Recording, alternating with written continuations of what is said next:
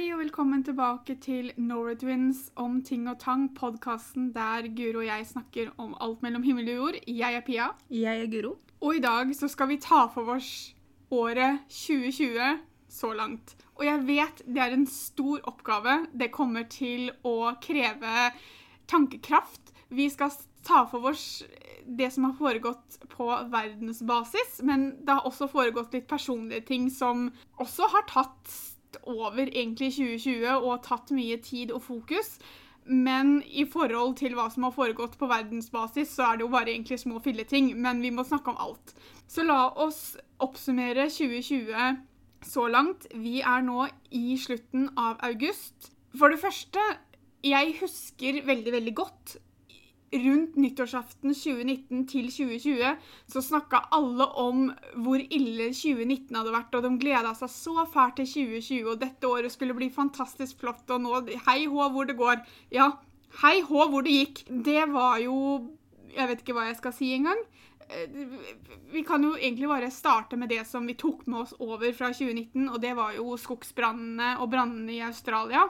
Var jo Det var jo grusomt og veldig, veldig alvorlig og foregikk veldig, veldig lenge. Og bare det var jo med på å gjøre mange veldig nervøse, både når det gjaldt eh, menneskene i Australia, men også diverse dyrearter i Australia som veldig mange ble utrydningstrua. Er det det det heter?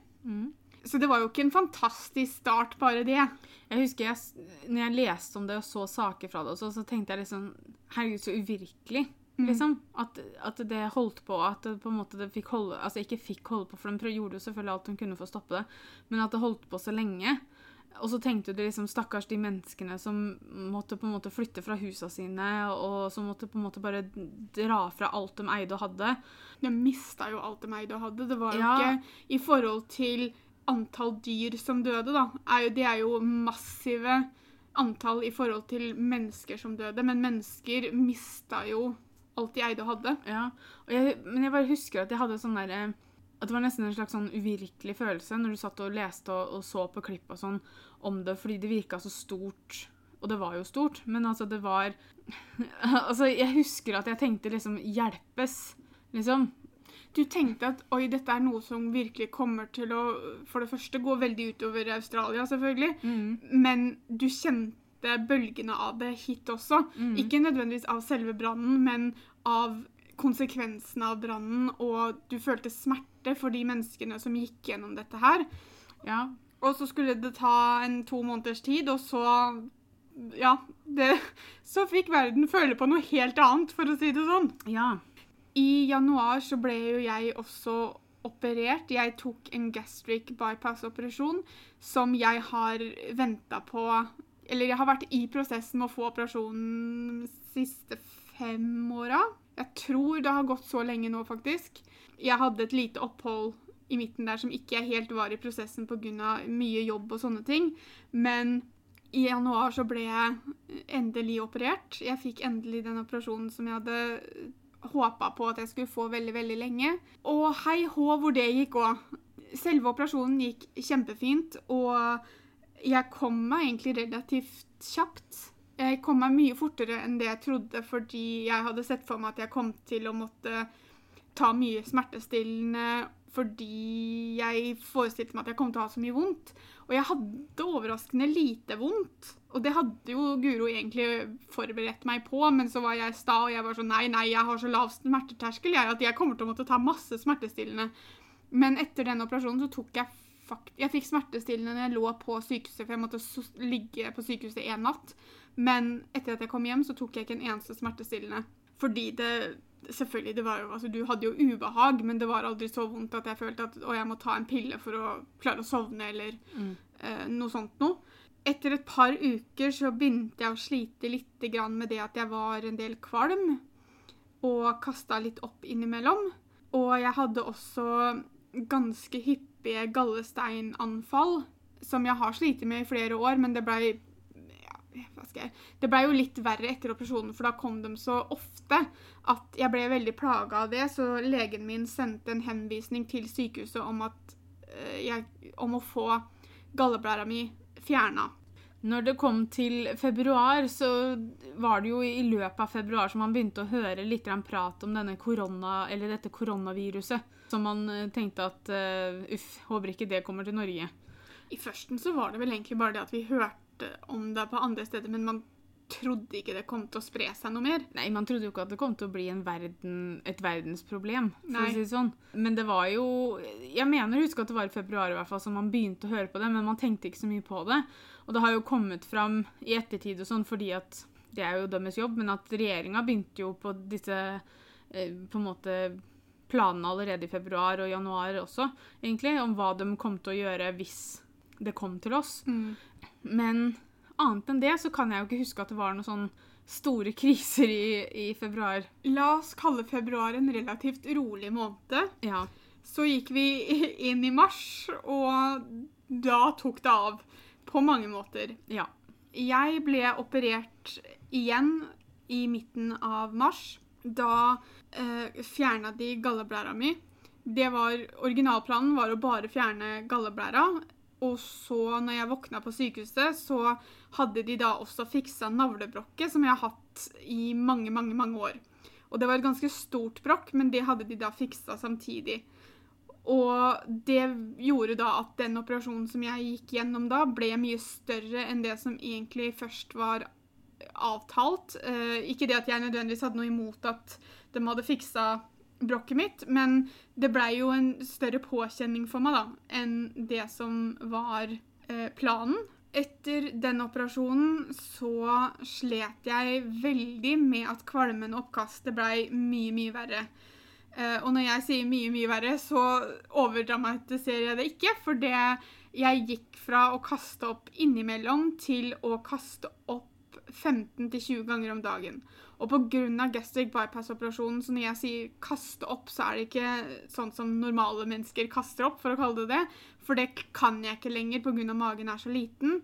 Men så fort jeg spiste noe, så fort jeg drakk noe, så kom det bare rett opp igjen. Uh, og jeg, når jeg da kasta opp når jeg ikke hadde spist, så kom det bare opp det jeg kaller skum. For jeg vet ikke hvordan jeg skal forklare det på noen annen måte, for det så ut som skum. Og jeg ble sengeliggende ganske lenge. Uh, innen jeg var operert, eller ble operert, så hadde også koronaen kommet hit. Landet ble jo stengt ned 12. mars, så fikk Ja. man jo var da de stengte skolen og sånn, og da forsto man jo på en måte alvoret, da. Ja, og Ja, for- jeg blei operert 16. mars. Ja. Så jeg var jo litt usikker på om jeg kom til å få operasjonen min, men av De stilte meg jo disse klassiske koronaspørsmåla, og siden jeg ikke hadde vært i kontakt med noe, så, så opererte de meg. Men av Og jeg skal ikke bare skylde på det, men av situasjonen var som man var i Norge, og på sykehusa spesielt, de hadde veldig mye å gjøre. Eh, Så når jeg ringte til akutten på Kalnes og forklarte hva som foregikk med meg Jeg forklarte at jeg hadde vært operert to ganger, jeg forklarte hva som skjedde, at jeg kasta av, jeg fikk ikke i meg noe særlig mat. Så fikk vi bare beskjeden om at det hørtes ikke akutt ut, em, og at forhåpentligvis så gikk det over. Jeg vet at jeg har lest flere saker der i starten, når korona eksploderte, for å kalle det det, så er det flere som kanskje skulle hatt litt hjelp for andre ting, som har blitt satt litt langt bak i køen eh, fordi eh, sykehusa bare var overvelda av alt annet. Det var jo en veldig ny situasjon for oss alle. Ja, Det jo ingen um, som har vært med på noe sånt før. så, så, så litt akutt var nok min situasjon, men selvfølgelig i forhold til andre så var det nok ikke like ille. Men jeg ble liggende her hjemme i to uker, og til slutt så mista jeg alle musklene i bena mine, og bena mine klarte ikke å bære meg lenger. Eh, det var vel så å si nøyaktig to uker etter at jeg ble operert som det kicka inn, og endte da eh, på Kalnes allikevel og ble operert en gang til, for de fant en væskeansamling bak navlen min. Jeg har en video på YouTube-kanalen vår der jeg forklarer alt sammen i så mye detalj som jeg har lyst til å forklare det i. Men eh, det var litt mye sånn fram og tilbake. Det var en del tester eh, for å prøve å finne ut hvorfor jeg plutselig ikke kunne gå lenger. For det klarte jeg ikke. Jeg måtte sitte i rullestol, og det måtte tre sykepleiere til for å for å få meg på do. Eh, ikke veldig morsom situasjon å være i, men jeg fikk utrolig god hjelp på Kalnes når jeg først kom inn der. Selvfølgelig så var det en litt spesiell situasjon, for jeg kunne ikke ha besøk av noen pga. korona. Og selvfølgelig så var Jeg vet ikke om jeg Hva skal jeg, hva skal jeg kalle atmosfæren? Det var jo en litt trykka atmosfære på sykehuset fordi alle sammen sto jo litt med vann over hodet, tror jeg, i forhold til hva som foregikk overalt ellers. Eh, og ikke nødvendigvis det at de står der bare klør seg i huet og vet ikke hva de skal gjøre, men jeg tror alle følte veldig på situasjonen som Norge og verden var i akkurat da. Altså, det var, jo, det var jo en veldig rar situasjon, fordi plutselig så gikk du fra å på en måte ha en normal hverdag til at plutselig mange skulle ha hjemmekontor. Mange kjente på det å faktisk bli permitterte fra jobben sin. Noen Um, mista jo jobben sin, ting stengte, ting gikk konkurs. Ja, altså, altså Matbutikker var liksom oppe, ellers så stengte alt av småbutikker omtrent, og restauranter og frisører og sånne ting. Og det er jo, det er jo en veldig rar, eh, uvanlig situasjon, da, for oss som på en måte ikke har opplevd en sånn type situasjon før. Altså, vi har jo aldri vært med på noe lignende. Foreldra våre har aldri vært med på noe lignende. Jeg husker jo liksom at det å Og så ble det alt dette med karantene og sånn, ikke sant. At du Plutselig så måtte du være hjemme i 14 dager hvis du ble dårlig, og så var det liksom Ja, altså du snufsa du ute blant folk, så ble du liksom omtrent eh, hengt på gapestokken, ikke sant. Fordi at det, og, det, og det skal tas alvorlig, alvorlig, ikke misforstå, men det er liksom Og det syns jeg jo egentlig bare har blitt verre og verre. Dette med Hva skal jeg kalle det for noe? offentlig kritisering av andre, og eh, pekefingeren har kommet fram både her og der. Eh, Mer jeg tror det er en naturlig Jeg husker jeg sa det reaksjon. jeg, jeg husker jeg snakka med Petter om det. Fordi at altså, Bare hjemme hos oss så ble det jo en veldig eh, altså, uvant situasjon. Da, for plutselig så var Petter hjemme hver dag. Han skulle ha hjemmekontor. Eh, og han har jo hatt det før, men ikke liksom hver dag. Og de gangene han har hjemmekontor, så føler jeg på en måte at jeg er litt veien, i veien hjemme hos meg selv. da. Fordi at jeg har ikke lyst til å forstyrre han når han er på jobb. Så, så, så plutselig så ble det liksom Ja, der er Petter, ja. Hele tiden. Så det ble jo veldig uvant sånn. Eh, Men jeg husker jeg og Petter snakka om det fordi at jeg jobber jo i butikk. Og ble jo plutselig i en veldig uvant situasjon der òg, med at du på en måte måtte huske å holde avstand fra kundene. Til og med, og, og kundene også ble jo Man fikk en litt annen holdning. Og da snakka jeg veldig mye med Petter om det at hva frykt kan gjøre med noen, da. Fordi det ble jo veldig usikkert alt sammen, og folk var nervøse og redde og ville ikke bli smitta. Selvfølgelig ikke. Men den frykten man kjente på, gjør noe med mennesker. Og nå har det jo holdt på en stund, og jeg, jeg tenker at det kunne fort ha Nå har alle gått sammen og, og fått en veldig fin forståelse for hva som skjedde, og på en måte skjønte hva man skulle gjøre sånn, men det kunne fort ha gått andre veien også, med at man blir redd og nervøs, og så blir det mye mer negativt, da. Det påvirker jo en person å gå og være redd hele tiden, og spesielt når du går og er redd for noe du egentlig ikke klarer å forstå helt. Nei, og så er det jo veldig Altså, det er jo litt sånn og så har, sant, så har du alltid de som på en måte tenker at herregud, hvorfor er det så mye oppstyr nå? Vi har jo influensa hvert år og sånn. Eh, fordi at man på en måte ikke helt skjønte med en gang Man At det er forskjell. Man klarer aldri å få alle til å forstå alvoret. Og det Jeg føler lite grann at jeg gikk glipp av mye av dette her. Ja, men du Eh, lå jo trygt på sykehuset, på en måte. Ja, jeg vet ikke om jeg vil kalle det trygt. Jeg lå på koronaavdelingen på Per Gynt. Jo, men- jo, men Men eh, Ikke fordi jeg hadde korona, men det var der de hadde plass til meg. Men det som var, var at jeg var allerede fanga i senga fordi jeg ikke klarte å gå. mm, Så jeg hadde ikke Hadde jeg kunnet gått, så hadde ikke jeg fly... Altså, da hadde jeg ikke kunnet flydd rundt omkring, men jeg kunne ikke det fra før av fordi at jeg klarte faktisk ikke å gå. Så jeg følte meg isolert på Peer Gynt fordi jeg ikke kunne ha besøk av familien min og vennene mine. Så jeg så jo bare folk over FaceTime eller snakka med dem på telefon. Men bortsett fra det så føler jeg meg litt heldig fordi at jeg kjente aldri på isolasjonen og den holde seg hjemme-delen på samme måte som de som faktisk måtte holde seg hjemme, da. Ja, det er som jeg sa til Petter. Altså, jeg, jeg, han gir verdens beste klemmer. Men jeg begynte jo etter hvert å savne, det å klemme andre mennesker. Det gjør jeg fortsatt, for vi klemmer jo fortsatt ikke hverandre. Ehm, altså, jeg er jo en veldig klemmeperson. Så det å liksom ikke kunne klemme folk, det er jo det er hardt. eh, for å være helt ærlig. Men, men jeg skjønner jo selvfølgelig hvorfor vi gjør det, og selvfølgelig så holder jeg meg unna for det å grunn til å klemme folk. Men det er, det er som du sier, jeg tror nok du gikk glipp av mye av den stemninga som var på utsida. Mm, jeg så jo Um, bare pleierne som jobba på Per Gynt. Det var jo de folka jeg så. Ja, for det var jo Det det ble litt sånn spøkelsesby plutselig. Mm. Fordi at det var Altså, de, når jeg var på jobb, så var det Jeg har ikke lyst til å si kaos, men det var veldig mye mer mennesker enn det vi var vant til.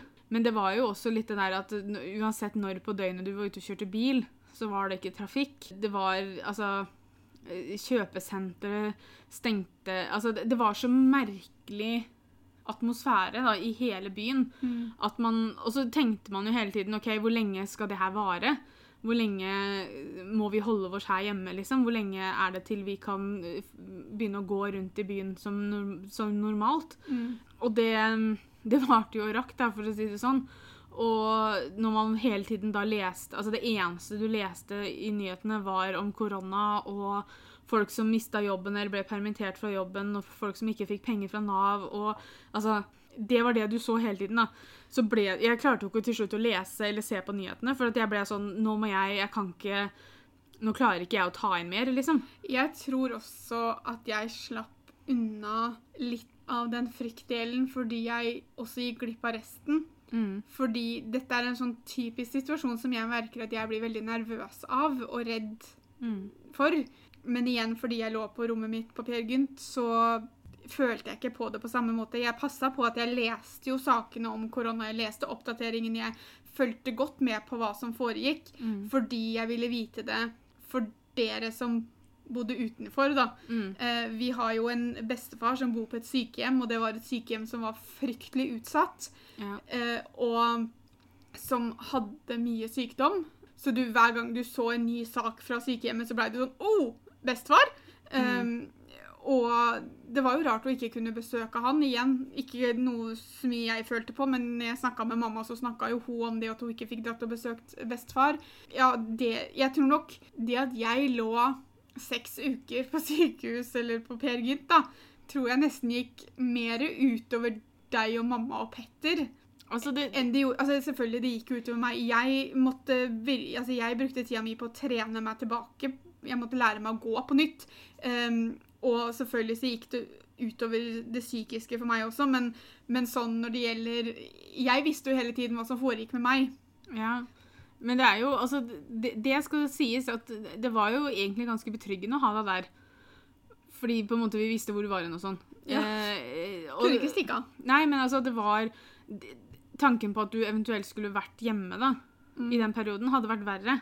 Ja. Fordi at jeg var jo i karantene i to uker fordi jeg fikk feber, og som viste seg å vare bare pga. Det var hormonelt, da, at kroppen reagerte på noen pillegreier. Men det liksom? Da kunne ikke jeg hjelpa deg. Nei, det hadde jo vært, det hadde jo vært veldig begrensa, da, for du, vi skulle jo holde oss unna av alle. Ja. Vi skulle jo ikke være sammen med venner, vi kunne ikke være sammen med, med folk. Vi hadde jo også noen venner som fikk korona, som virkelig på en måte måtte isolere seg inne lenge. Og det også var jo vanskelig, å liksom vite at vennene dine gikk gjennom det. Uten å kunne være der for dem. Ja. Eh, Så det, så det var jo Og det, det varte og rakk også, for å si det sånn. da. Altså Det var jo ikke noe som gikk over på en uke. Nei, altså, jeg kom jo La oss, jeg slapp ut fra Per Gynt i midten av mai. Ja. Tre dager før 17. mai eller noe sånt noe. Da hadde de, rett før 17. mai, så forandra de jo lite grann på antall mennesker som kunne samles. Ja, da kunne du samles 20 istedenfor 5. Ja, og det var jo avstand og sånne ting, selvfølgelig, men, men de forandra på antallet. Jeg kom hjem 14. mai, mener jeg å huske. Ja, godt mulig. Um, da da flytta jeg hjem. Da gikk jeg Igjen så, så var ikke Jeg var ikke i en situasjon der jeg skulle fly veldig mye ut og inn og ordne og styre. Jeg skulle være mye hjemme. Men jeg hadde jo mine egne bekymringer for det å flytte hjem. Jeg, jeg hadde jo, Bena mine er jo fortsatt ikke i dag OK ennå. Jeg driver jo fortsatt og trener dem opp, men det var, det var skummelt å flytte hjem. Litt pga. jeg var veldig nervøs angående bena mine, for jeg var redd for å dette her hjemme og ikke ha noen som kunne hjelpe meg. Selvfølgelig, jeg hadde nummeret til hjemmepleier og sånne ting, så, så jeg hadde jo folk jeg kunne ringe til. Men det var veldig skummelt å skulle være her hjemme alene. Uh, Guro var snill og sov hos meg de to første nettene, sånn at jeg bare kunne venne meg litt til og måtte ordne meg sjøl. For jeg var jo på Per Gynt, så fikk du servert mat, du fikk servert drikke, du fikk hjelp til alt. Altså, De hadde dusja meg hvis jeg hadde bedt om det, og jeg klarte det heldigvis sjøl, da. Så det var det å komme hjem, og så plutselig så måtte jeg lage mat sjøl, og jeg måtte passe på at jeg fikk mat sjøl, og det var liksom det, det- det var en veldig omveltning, da. Mm. Samtidig som man satt egentlig hjemme og leste om hva som foregikk i resten av verden. Og én ting var jo å se hva korona gjorde i Norge, og det er jo selvfølgelig nesten det som var viktigst for oss, er jo der du bor selv. Mm. Men du så jo også hva det gjorde med verden rundt oss. Vi har jo også pappa som bor i Malmö, eh, og Sverige fikk det jo ganske hardt. Mm. Så det er jo det at man sitter da og bekymrer seg for det også. Og, Ja, og så var det det at ikke vi fikk sett pappa. Jeg, Ja. Og igjen, da, på grunn av jeg kom i den situasjonen og ble syk sånn som jeg blei, da. Både for min del, men også for pappa sin del. At pappa kunne ikke sette seg i bilen og komme Nei. hit og se meg. Det var også veldig rart, liksom, hva skal jeg kalle det, når 17. mai ble avlyst. Altså, 17. mai kom uansett. Må... Vi har ikke opplevd det før. Nei, men liksom det at alt av barnetog, alt av arrangementer i byen liksom ble avlyst, det var vel noe der, men det var liksom ikke sånn som vi var eh, vant til. Og, og det var jo igjen veldig uvanlig, da. eh, og veldig rart.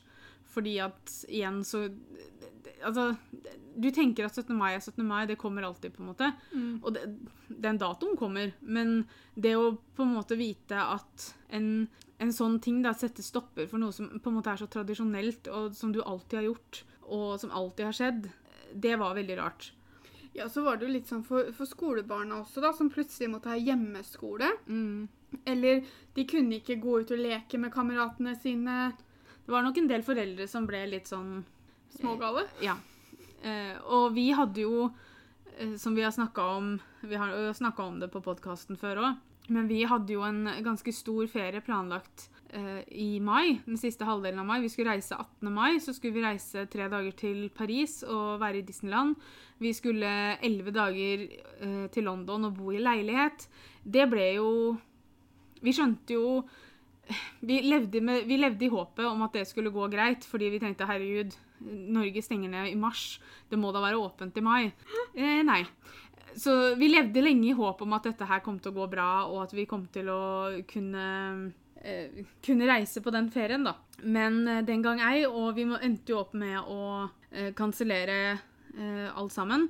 Bare det å få igjen pengene for alt mulig der er jo en prosess i seg selv. Jeg leste senest en nyhetssak til morgen i dag, tror jeg, om at folk fortsatt venter på pengene sine tilbake fra diverse flyselskaper og sånne ting.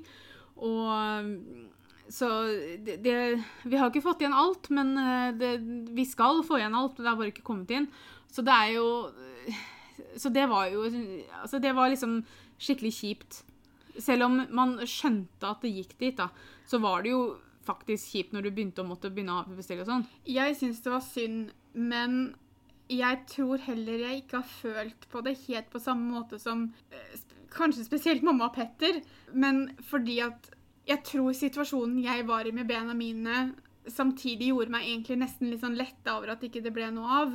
Fordi hvis vi skulle dratt 18. mai, så måtte dere ha døtta meg rundt i en rullestol. Ja.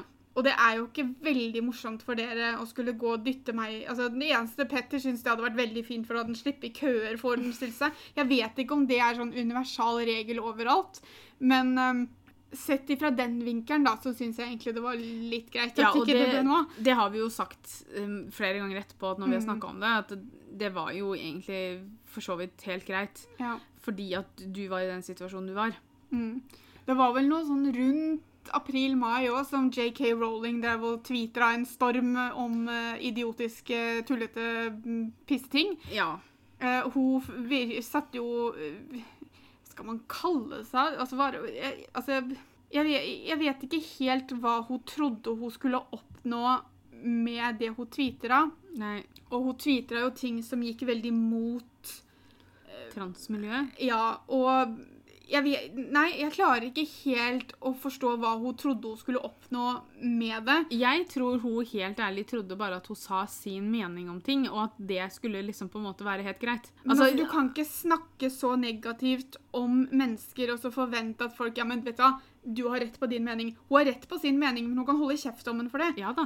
Og det er jo det, det Jeg tror nok det er det hun oppdaga, da. At folk Det altså- var ikke så mottagelige for akkurat den meninga hun hadde. Alle har rett til sin mening. Ja. Og ja, greit, man har kanskje rett til å uttrykke den også, men når hun egentlig bare snakker piss, fordi at det hun sa, var jo ikke riktig engang. Nei. Det er det hun mente var riktig, men hun er jo ikke noe profesjonell innen noen felt som skal ha noe å si her i det hele tatt. Um, og hun fikk jo fryktelig mye eh, kritikk for det. Ja, og det er helt rett at hun skal få. Veldig riktig. Det var Eh, flere av skuespillerne i Harry Potter-filmene som gikk ut og på en måte måtte si det at vi er ikke enig med det hun sier. Nei, for Sånn som Daniel Radcliffe for eksempel, da, har jo jobba i så mange år tett med The Trevor Project, som er eh, en be, altså, Hva heter det? Organisasjon. Organisasjon som jobber for å fremme rettighetene Mm. til trans og homofile og lesbiske. liksom, Og så har han da på en måte hun som har gitt den karrieren sin, på en måte, da, Mm. som sitter og sier altså Selvfølgelig så må han gå ut og si at 'unnskyld meg, men her, det her skal ikke jeg ha noe å gjøre med', liksom. Um, og jeg vet jo det at det var veldig mye snakk om det med boikott, og jeg vet at vi fikk jo spørsmål om, om hvis vi fortsatt skulle dratt, om vi hadde dratt, for planen var jo å dra til Warner Brothers Studios i Mm. London og få en omvisning på setta og sånn. Um, og jeg Tingen er at hun skriver Det hun driver med nå, interesserer meg egentlig ikke lenger. Altså, jeg, jeg har vel aldri vært interessert i henne som person, for, jeg, for meg så har det alltid bare gått Mm. på Harry Potter-bøkene. Ja. Jeg har aldri lest Altså, jeg har lest det som har kommet ut av det universet der. Jeg har ikke lest dette andre greiene hun skrev eh, under et annet navn og det greiene. Det har jeg ikke lest. Nei. Jeg har ikke noe interesse av å lese det heller. Eh, For meg så er det vanskelig å tro at hun kommer til å klare å komme opp med noe mer eller noe bedre enn en Harry Potter. Kommer jeg til å fortsette å lese Harry Potter-bøkene? Ja. Kommer jeg til å fortsette å se på filmene? Ja. Kommer jeg til å dra og ta en eh, omvisning på settet der en, så fort det blir mulig, holdt jeg på å si? Ja. Altså, jeg tror folk skiller veldig eh, Harry Potter-verden fra JK Rowling på den måten at eh, og, og, og det er sånn Altså, man kan argumentere at det er At det kommer litt an på hva det er. Fordi for eksempel, hvis du så på uh, Michael Jackson når han gikk gjennom sin greie, så uh, så var det jo ikke noen som snakka om uh, å, å slutte å høre på musikken hans. Og, eller sikkert noen som snakka om det, men det var ikke en sånn stor greie sånn som det har blitt i ettertid. liksom. Og han, ble, han blir fortsatt kalt the king of pop, og eh, på en måte de er Altså, man snakker veldig varmt om musikken og hører på musikken hans. Eh, så var det det med R. Kelly eh, og hans greie. Men han fikk jo gjennomgå. Ja, og da var de sånn Nei, da må, kan vi ikke høre på musikken hans heller. Ikke sant? Og så kom dette med JK Rowling, og da var de Så er det liksom sånn Nei, vi boikotter ikke Harry Potter. Vi liksom Hun bryr vi oss ikke noe mer om, men Harry Potter er fortsatt vår verden. Det er jo mange av oss som har vokst opp med Harry Potter. Så jeg, Det er mange av oss som har et veldig sånn- kjært forhold til Harry Potter fordi at Harry Potter har gitt oss så utrolig mye. ja. Men, jeg, men jeg kommer alltid til å sitte og si at det er Harry Potter som har gitt meg utrolig mye, ikke JK Rowling. Selvfølgelig, hun har jo gitt meg Harry Potter, så, Mm. så på en, men ikke sant at Men som jeg sa, jeg har ikke noe forhold til hun som person eller som forfatter. Altså, det som betyr noe for meg, er Harry Potter-verden hun Ja har skapt. Og det er sånn tenker jeg òg, men man tenker litt sånn Jeg føler at man tenker litt ulikt ut ifra hvem det er, eller hva det er de Ja, har lagd, på en måte, Og så tror jeg det må egentlig være veldig opp til hver enkelt. Mm. Jeg tror jeg hadde slitt litt mer med det hvis ikke alle Harry Potter-bøkene hadde kommet ut ennå. Jeg tror Mm, hadde, dette, hadde hun holdt på sånn midt i serien, eksempel, så tror Mm. jeg jeg hadde måttet satt meg ned og tenkt litt mer igjennom om jeg skulle fullført Mhm. serien. Men hvorfor det, da? Fordi jeg klarer, jeg klarer ikke å forklare det, men nå jeg føler på en måte at jeg er litt sånn ferdig med henne. Altså, jeg, jeg skal ikke altså, Selvfølgelig, hun får sikkert noe penger hvis jeg drar på dette studio tour-greiene Ja, i ja. London, Det er eh, men jeg kommer ikke til å eh, kjøpe flere Harry Potter-bøker, for det, det trenger jeg ikke. Vi, vi har jo nok. Eh, Jo, men altså, for eksempel, da. Disse illustrerte bøkene som du begynte å samle på. Du Ja. har jo ikke alle dem. Nei. Og, og jeg vet ikke helt om jeg kommer til å fullføre det. Nei. For, men, men igjen så er det sånn fordi at jeg tror man må Man må nesten Jeg vet ikke hvordan jeg skal si det. Man må nesten ta den beslutninga selv. Mm. Og jeg, som dere skjønner, så jeg vet ikke helt hva jeg føler og syns om Jeg vet veldig klart hva jeg syns om ho, Ja, ja. men jeg klarer ikke helt å finne ut hvordan jeg føler om å, å kjøpe flere av bøkene, da, eller Mm. eh, Og det er litt sånn egoistiske grunner, ja. fordi de betyr så mye for meg. Men jeg tror nok det er derfor også mange ikke klarer den boikotten, da. Mm. For det ikke, jeg har ikke hørt mye om folk snakka om det å boikotte Harry Potter pga. henne. Nei, det har vært snakk om å boikotte ho, og det er jeg helt for. Men, men så er det liksom at hvis du skal boikotte ho, så må du også boikotte eh, jobben hennes, holdt jeg på å si. For jeg tenker jo, sånn som vi da, vi vokste opp med å lese bøkene først, og så kom filmene etter hvert. De som kanskje ble introdusert til Harry Potter nå, ser kanskje filmene først, ikke sant? Og så kanskje de leser bøkene, eller så holder de med filmene. Og noen av de som bare på en måte blir introdusert gjennom filmene, vet sikkert ikke hvem J.K. Rowling er engang. Ikke sant? For de som spiller en rolle, er de som spiller karakterene i filmene. Mm. Jeg, jeg merka at jeg blei ordentlig såra når jeg leste hva hadde skrevet. Ja. Jeg blei såra, og jeg blei kjempeskuffa. Mm. Eh, det her sånn- er ikke første gangen hun har vært på Twitter og slengt fra seg ting som man blir litt sånn uh, Virkelig, for Nei. hun har vært på det her før. Det var bare denne gangen så tror jeg det gikk så, så, Fordi at hun, hun skulle jo ut og forsvare seg sjøl etterpå, Mm. og da ga hun som grunn at hun hadde, at hun hadde opplevd uh, å bli seksuelt misbrukt. Det var det hun ga som grunn. Ja. Og så skjønte jeg ikke helt logikken i hvorfor det er grunnen til at hun føler det sånn som hun føler det. Men nå vet jeg ikke om hun ga en god nok forklaring, eller hva det er for noe. Jeg har ikke lest hele det brevet hun skrev. Jeg har bare lest tweetene hennes. ja. Um, men så Nei, så jeg, jeg blei ordentlig skuffa og, og sinna. Fordi at jeg syns jeg syns vi skal være lenger enn en akkurat det. Altså, jeg syns vi skal liksom klare å jeg, jeg skjønner ikke hvorfor vi ikke har kommet lenger. Nei, det kan man jo si. Til noe litt eh, la, oss kalle, la oss kalle det hyggeligere. Det er hyggeligere. Det er absolutt hyggeligere. Eh, I juni så Det var en dårlig sted å ta en Segway over på det, følte jeg. Men Ja, eh, vi sånn kan jo nesten ikke gjøre noe annet. I juni så fant jeg ut at jeg er gravid, så Pia skal bli tante. Og det Altså, hva skal jeg si? Eh, Jeg har vært mye dårlig etter det, da. Eh, Men eh, ja, nei, vi fant ut at jeg og Petter skal Altså, vi venter barn i slutten av juni. Veldig, veldig hyggelig. Veldig Ja, dere fant ut i slutten av juni. Ja. Dere venter jo barn i mars. Jo, jo, men altså, vi fant ut at vi venta barn Altså at vi fant det ut i juni. Ja. Så det var jo et lite lysglimt, da. Midt inni all det, det som er året 2020. Gjorde det deg mer nervøs angående koronaen? Nei. Jeg ble så oppslukt av den, det greiene der at jeg glemte egentlig litt at det var korona. Hva med liten... nå, da? holdt jeg si? For nå, Vi hadde jo en periode som så ut som å, nå går det litt over, og så Mm. kabang, så, så er vi jo tilbake nesten der vi starta. Altså, jeg skal innrømme at jeg har aldri vært nervøs for å få det. Fordi at jeg vet med meg sjøl at jeg passer på. Eh, det har ikke forandra seg siden jeg ble gravid. Nei. Jeg snakka jo med legen og spurte ok, er det større sjanse for å bli smitta hvis man er gravid. Er man liksom mer mottakelig for så, smitte i det hele tatt? Er det Altså, hva skjer om jeg får det? Blir jeg da dårligere, liksom?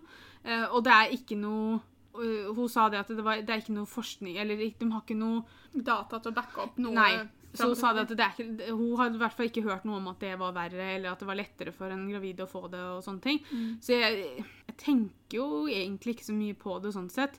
Annet enn at for nå er liksom disse sikkerhetstiltakene sånn veldig godt planta inni meg, føler jeg. Eh, At eh, jeg spriter henda, jeg vasker henda, jeg holder avstand til folk. Problemet er jo bare at én ting er hva du gjør, men det er jo, du er jo også avhengig av at de rundt deg også gjør som de skal. da. Jo da. Eh, Men det Altså, jeg må jo bare stole på at folk passer på seg sjøl, og at de gjør som de skal. Så Ja, det er jo ikke alle som gjør det, for det er jo derfor vi er nå, der vi er nå. Jo da, men eh, jeg får jo regne med at mine, de jeg har rundt meg, da, som jeg er mye sammen med, at de passer på. Så nei, det har ikke vært noe mer sånn spesielt. Altså, den nervøsiteten jeg har kjent på, er jo om graviditeten kommer til å gå bra, liksom. Ikke nødvendigvis pga. korona, men bare pga. liksom Ja, De tre første månedene er jo litt nervepirrende. Ja. En annen ting som skjedde rundt samme tid, var jo eh, Black Lives Matter-movementen som begynte i USA. Og det var jo også, da igjen så fikk vi kjenne på en veldig ubehagelig del av eh, menneskeheten. Hva, hvordan folk fortsatt ikke klarer å behandle hverandre med respekt. Hvordan man fortsatt blir behandla annerledes fordi man har en annen hudfarge. Eh, noe som for meg er ganske sprøtt å tenke på, at ikke man har kommet lenger. Og når man da så faktisk hvor ille det fortsatt er nå, er det jo, nå var det jo stort sett USA som ble dratt fram, og som du hørte mest om. Men det har jo også vært nordmenn som har kommet fram og fortalt sin, sin opplevelse med det.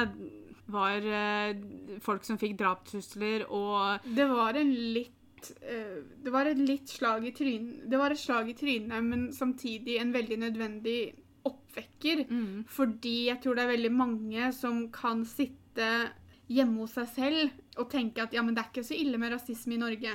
Nei. Um, at hver gang man ser en av disse sakene fra nyhetene i USA om, om der, der mennesker blir drept av ingen grunn, Mm, bare pga. fargen de har på huden, så sitter man hjemme i sofaen sin i Norge og så tenker man at det er litt fint at ikke det er sånn her. Ja, greit, er, folk blir ikke drept på gatene her, men, ikke av politiet, i hvert fall. men eh, rasisme er fortsatt et stort problem. Mm, Eh, og, og, det er jo når en bevegelse som dette skjer, da, og når en kampanje som dette skjer, og, og, så, så får veldig mange en stemme de ikke føler at de har hatt tidligere. mm, Og de får motivasjonen til å prate om problemer som ikke har fått lys på seg tidligere. Det er veldig viktig det som også ble sagt under denne eh, bevegelsen, da, som Black Lives Matter er, og det holder fortsatt på, det er ikke over enda. Um, og det er jo det at nå holder det ikke lenger at man ikke er rasist, man må være antirasist. Altså at man må si ifra når man hører ting. Man må stå opp for andre. Man må liksom si at vet du, det her er ikke greit å si. Det, sånn her er det ikke greit å oppføre seg. Eh, Hva er det du holder på med? Um, og det er liksom sånn Fordi at Og jeg, jeg kjenner at jeg blir så irritert når denne All Lives Matter-tingen kommer fram. Fordi at det er ikke det man sier.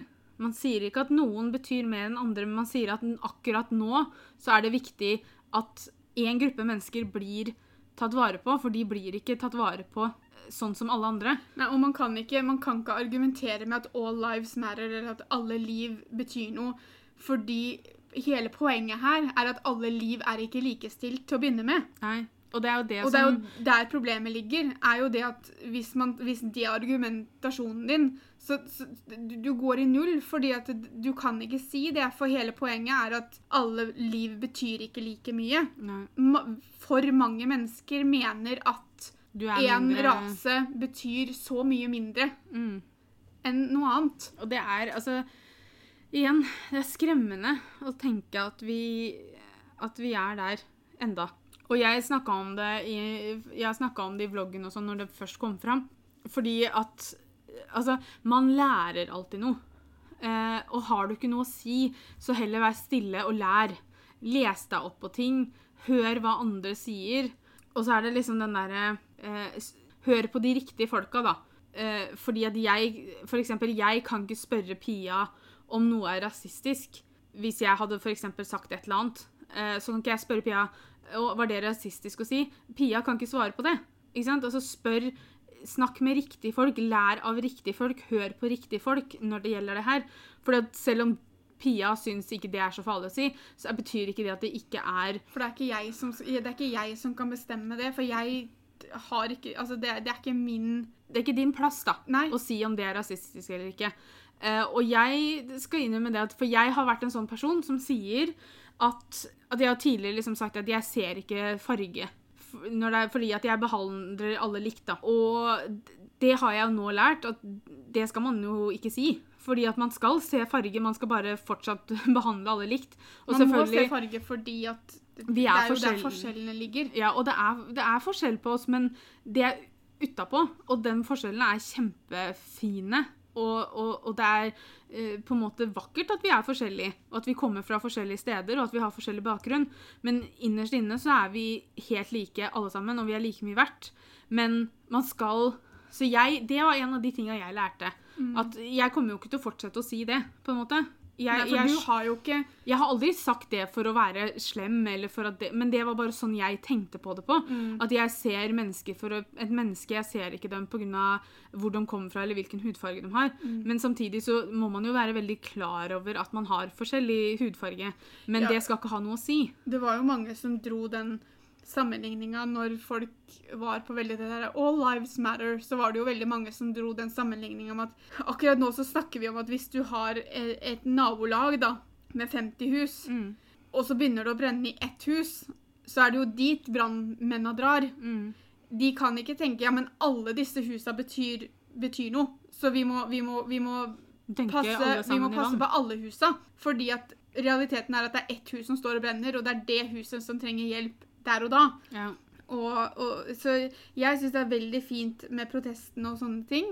Eh, selvfølgelig så var det en litt spesiell situasjon fordi at eh, i, alt har det med å skje samtidig. Mm. Og vi, verden var i en lokka situasjon, ikke sant? Og så Mm. hadde du det at veldig mange følte det at det å dra til protestene, da, var å ta veldig lite hensyn til koronadelen. Mm. Men du, altså, strendene var fullpakka dem òg i sommer, så, Ja. så det var ikke nødvendigvis Og det er jo det som jeg syns er så synd med For jeg var så vidt inne på det i stad. Det der med kommentarfelt og sånt på nyhetssaker og på Facebook og sånn for tida. Det er så mange bedrevitende altså, som setter seg selv så mye høyere enn alle andre. Fordi de liksom gjør alt riktig og lever helt perfekt i forhold til alle regler og sånn. Aldri går på gata og 'herregud, skal du handle nå igjen?' og bla, bla, bla. Og det er så synd å se, fordi at det er Altså, Det, er det hjelper jo ingen. det- altså, jeg syns det er synd å se fordi at måten de gjør det på, er helt feil. Ja. Igjen så går det litt på det at om de mener det, så mener de det, men de trenger Altså, sånn som de idiotene som skriver at de som får korona, kan bare skytes fordi at da blir vi kvitt det, liksom. Hvor, hvor er logikken her, da? Nei. Og hvorfor si det på den måten? Altså, det, det, er, det er snakk om Nei, jeg blir oppgitt. Ja, og det er jo det som Altså, det her har jo ikke akkurat fått fram det beste i folk, da, for å kalle det sånn. For det er jo liksom sånn så fort sola kom fram, så er det som du sier, de satt tett i tett på stranda. Fordi at selvfølgelig er vi på stranda når det er sol, men eh, Og det var liksom helt greit. så sånn- kritiserer man at det er fullt på kjøpesenteret, på en måte. Ikke sant? Det, det er litt den derre Altså, jeg, jeg har så lyst til å si at man skal passe på seg selv, men så er det sånn Noen trenger faktisk at man passer på litt ekstra disse tider, men Ja, og det er selvfølgelig Vi er altså Men det med- hjelper Med ikke. korona så må man må passe på seg selv, men man må også passe på andre. Fordi at vi er Det er en tid der vi faktisk må ta veldig hensyn til andre. Og det Mm. går ikke bare på at du ikke skal bli syk, men for det, det du du kan godt hende får korona, men så får du ikke et eneste symptom. Mm. Men du kan fortsatt smitte andre. ja. Så det går ikke bare på at man må passe på at ikke man selv blir syk, men man skal passe på at man ikke smitter andre også, fordi det fins mange der ute som er veldig mye mer sårbare når det gjelder det. Men det er jo litt sånn at det, Men det er ikke riktig måte er ikke å kalle folk idioter og egoister i Nei. kommentarfelt, liksom. Det er, altså, det er en balansegang her da, som må følges. Og det har man jo sett både når det gjelder korona og når det gjelder Black Lives Matter og sånn, at det, det har kommet fra mye rare folk som, som lirer av seg både her og der, og som på en måte ikke tenker på at det de skriver på internett, faktisk kan få konsekvenser. Ikke sant? Altså jeg vet at I USA så har de jo vært helt råe på det at de har sendt eh, bilder av kommentarer og sånt folk har lagt ut, eh, hvor man er veldig rasistiske. da. Sendt det til arbeidsgiver og sånn til de folka. Jeg synes det er Og- helt riktig. Ja, Og flere har jo faktisk fått sparken. Mm. Fordi at arbeidsgivere er ikke interessert i å ha rasistiske folk på jobben sin, liksom. Mm. Det syns jeg er helt fair. Ja. Fordi at det du skriver på nettet mm, hvis du, hvis du velger å skrive sånne ting, Mm. så er det faktisk alvorlig. Og det skal få konsekvenser. Ja. Ikke sant? Altså det er Vi må også vi må, vi har, altså vi må begynne å tenke på det, og at selv om du sitter trygt og rolig bak tastaturet ditt, så, så får det du skriver, konsekvenser. Selv om du liksom tulla og sånne ting. ikke sant? Altså, Ingen som skjønner at du tuller over et tastatur Eller når du, når du skriver, da. Så man skal tenke litt på hva man, hva man gjør her. ja. Så i august så hadde vi en liten uh, greie her hjemme uh, med at uh, Petter Northug igjen ble tatt for litt dårlige valg. Nå har det jo ikke Altså, den saken holder jo på enda, det er ikke på en måte Jeg tror ikke alt har kommet fram der enda. Nei, det tror ikke jeg heller. Jeg er Jeg syns det er veldig bra at han får hjelp, for å være helt ærlig. Det virker jo som at han på en måte leter etter en, leter etter en rush, eller leter etter noe adrenalinkick som han på en måte ikke får lenger fordi han ikke går på ski, eller hva det er for noe. Et eller annet er det jo. Ja. Jeg syns det var positivt at han tok ansvar uh, med en gang, for å si det sånn. I Forrige gang forhold til forrige gang så var jo det ja, forrige gang han endte i en sånn situasjon, så gjorde han jo ikke det. Uh, så jeg syns på en måte det var positivt. Det viser eh, Hva skal jeg si? Det viser eh, altså, Noen sier at det er jo noe han har fått beskjed om å gjøre, men det, det, det viser jo kanskje en modenhet da fra forrige gang, men Ja. samtidig det at han kjørte i 200 km i 80-sona, viser jo ikke akkurat veldig modenhet. Nei. Og det er jo det som er valget han har tatt, er jo ikke så bra. Og, men som sagt, hvis han kan få hjelp og komme seg gjennom det, så er jo det veldig veldig fint. Alle som kjenner noen, eller som kanskje har vært gjennom det sjøl, altså det å drive med den type midler som han driver med, da. Man tar ikke de rette valga. Og selv om han var vel ikke påvirka av noe når han kjørte, så, så, så det, gjør, det gjør jo noe med mentaliteten. Det er jo en sykdom, og hvis han kan få hjelp og, og klare å, og bli frisk, så er, jo, er det jo ingenting som er bedre enn det. Men han må likevel også Han må stå til ansvar for, hva, for Hva de han valga gjort. han har tatt. Ja. Og det, det syns jeg bare er rett og rimelig. Så, men selvfølgelig, det var jo Det var jo kjipt da å lese at det hadde skjedd. For det jo, man ønsker jo ikke en sånn ting på noen. Nei. Så det var jo kjipt å lese det. Fordi at han hadde på en måte klart å komme seg tilbake ganske bra fra forrige gang. Ja, jeg, jeg, jeg, altså, jeg vet ikke, jeg har vel ikke akkurat gjort meg opp noen sånn store meninger om akkurat det. Jeg syns det er helt idiotisk at han, at han har kjørt så fort, for det er Ja. ikke bare seg sjøl han setter i fare. Nei. Men det gjelder jo ikke, altså det, det spiller jo ikke noe rolle hvem det er som kjører så fort. Kjører man fort, så setter man ikke bare sitt eget liv i fare. Han skal jo være veldig glad for at han ikke skada noen. Ja. Det må man jo si. ehm, Men det er, også samtidig så er det jo ikke vår oppgave å ha en mening om det han har gjort, om Nei. hva som bør skje med en videre, altså sånne ting. Altså det får rettssystemet ta seg av. Men man, la, opp, man lager seg jo noen meninger eh, når sånne ting skjer, da. Fordi at han er jo en kjent person. Han er jo ja, men jeg, jeg lager meg ikke noen mer meninger om hans situasjon, eller om jeg skulle lest om en anonym person i avisa som, som hadde gjort det samme. Nei, nei, Jeg hadde syntes han hadde vært like idiot. Ja da. Uh, så jeg har på en måte ikke Men det er annerledes fordi man kan sette et fjes på den, ikke sant? Ja. her, Forskjellen her er jo at man får vite hvem det er fordi at Mm. han er kjent sånn som han er. ikke sant?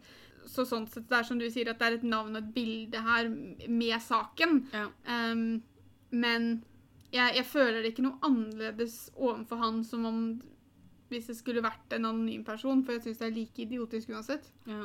Det er jo helt sikkert andre ting som har skjedd i 2020 som vi nå ikke har snakka om. Fordi at eh, Ja, det Hei hvor det går, sier jeg bare. Men eh, vi har tatt opp eh, noe av det største tinga som har skjedd. Eh, hvis dere følger oss på YouTube, så har dere sikkert hørt oss snakke om ja, annet hva jeg har vært igjennom før denne podkasten her. Dere har sikkert hørt Guro snakke litt om graviditeten sin. Men verden har jo vært La oss kalle det i krise, men vi har hatt et fellesskap om krisa. ja. Så dette var noen av de tinga vi hadde lyst til å prate om. Hvis det er andre ting dere mener vi burde tatt med, så kanskje vi kan lage enten en podkast til der vi snakker om mer ting som har skjedd i 2020, eller det er kanskje ting som vi bør ha en egen podkast om. Eh, Så send oss gjerne forslaga på Instagram, f.eks. Vi skal også innom at det er litt deilig å være tilbake igjen etter en veldig lang pause. Ja. Vi har jo hatt en lang pause fra podkasten nå. Ja. Så nå, nå må vi venne oss til dette her å spille inn podkast igjen, og vi må venne oss til å komme litt inn i rutinen igjen. Eh, Så hvis dere har forslag til andre podkaster også, så trenger vi det òg. Så ikke vær redd for å eh, sende oss forslag til hva dere har lyst til å høre om. Eh, Og så ses vi ikke. Vi høres neste søndag. Og så får dere ha en kjempefin uke.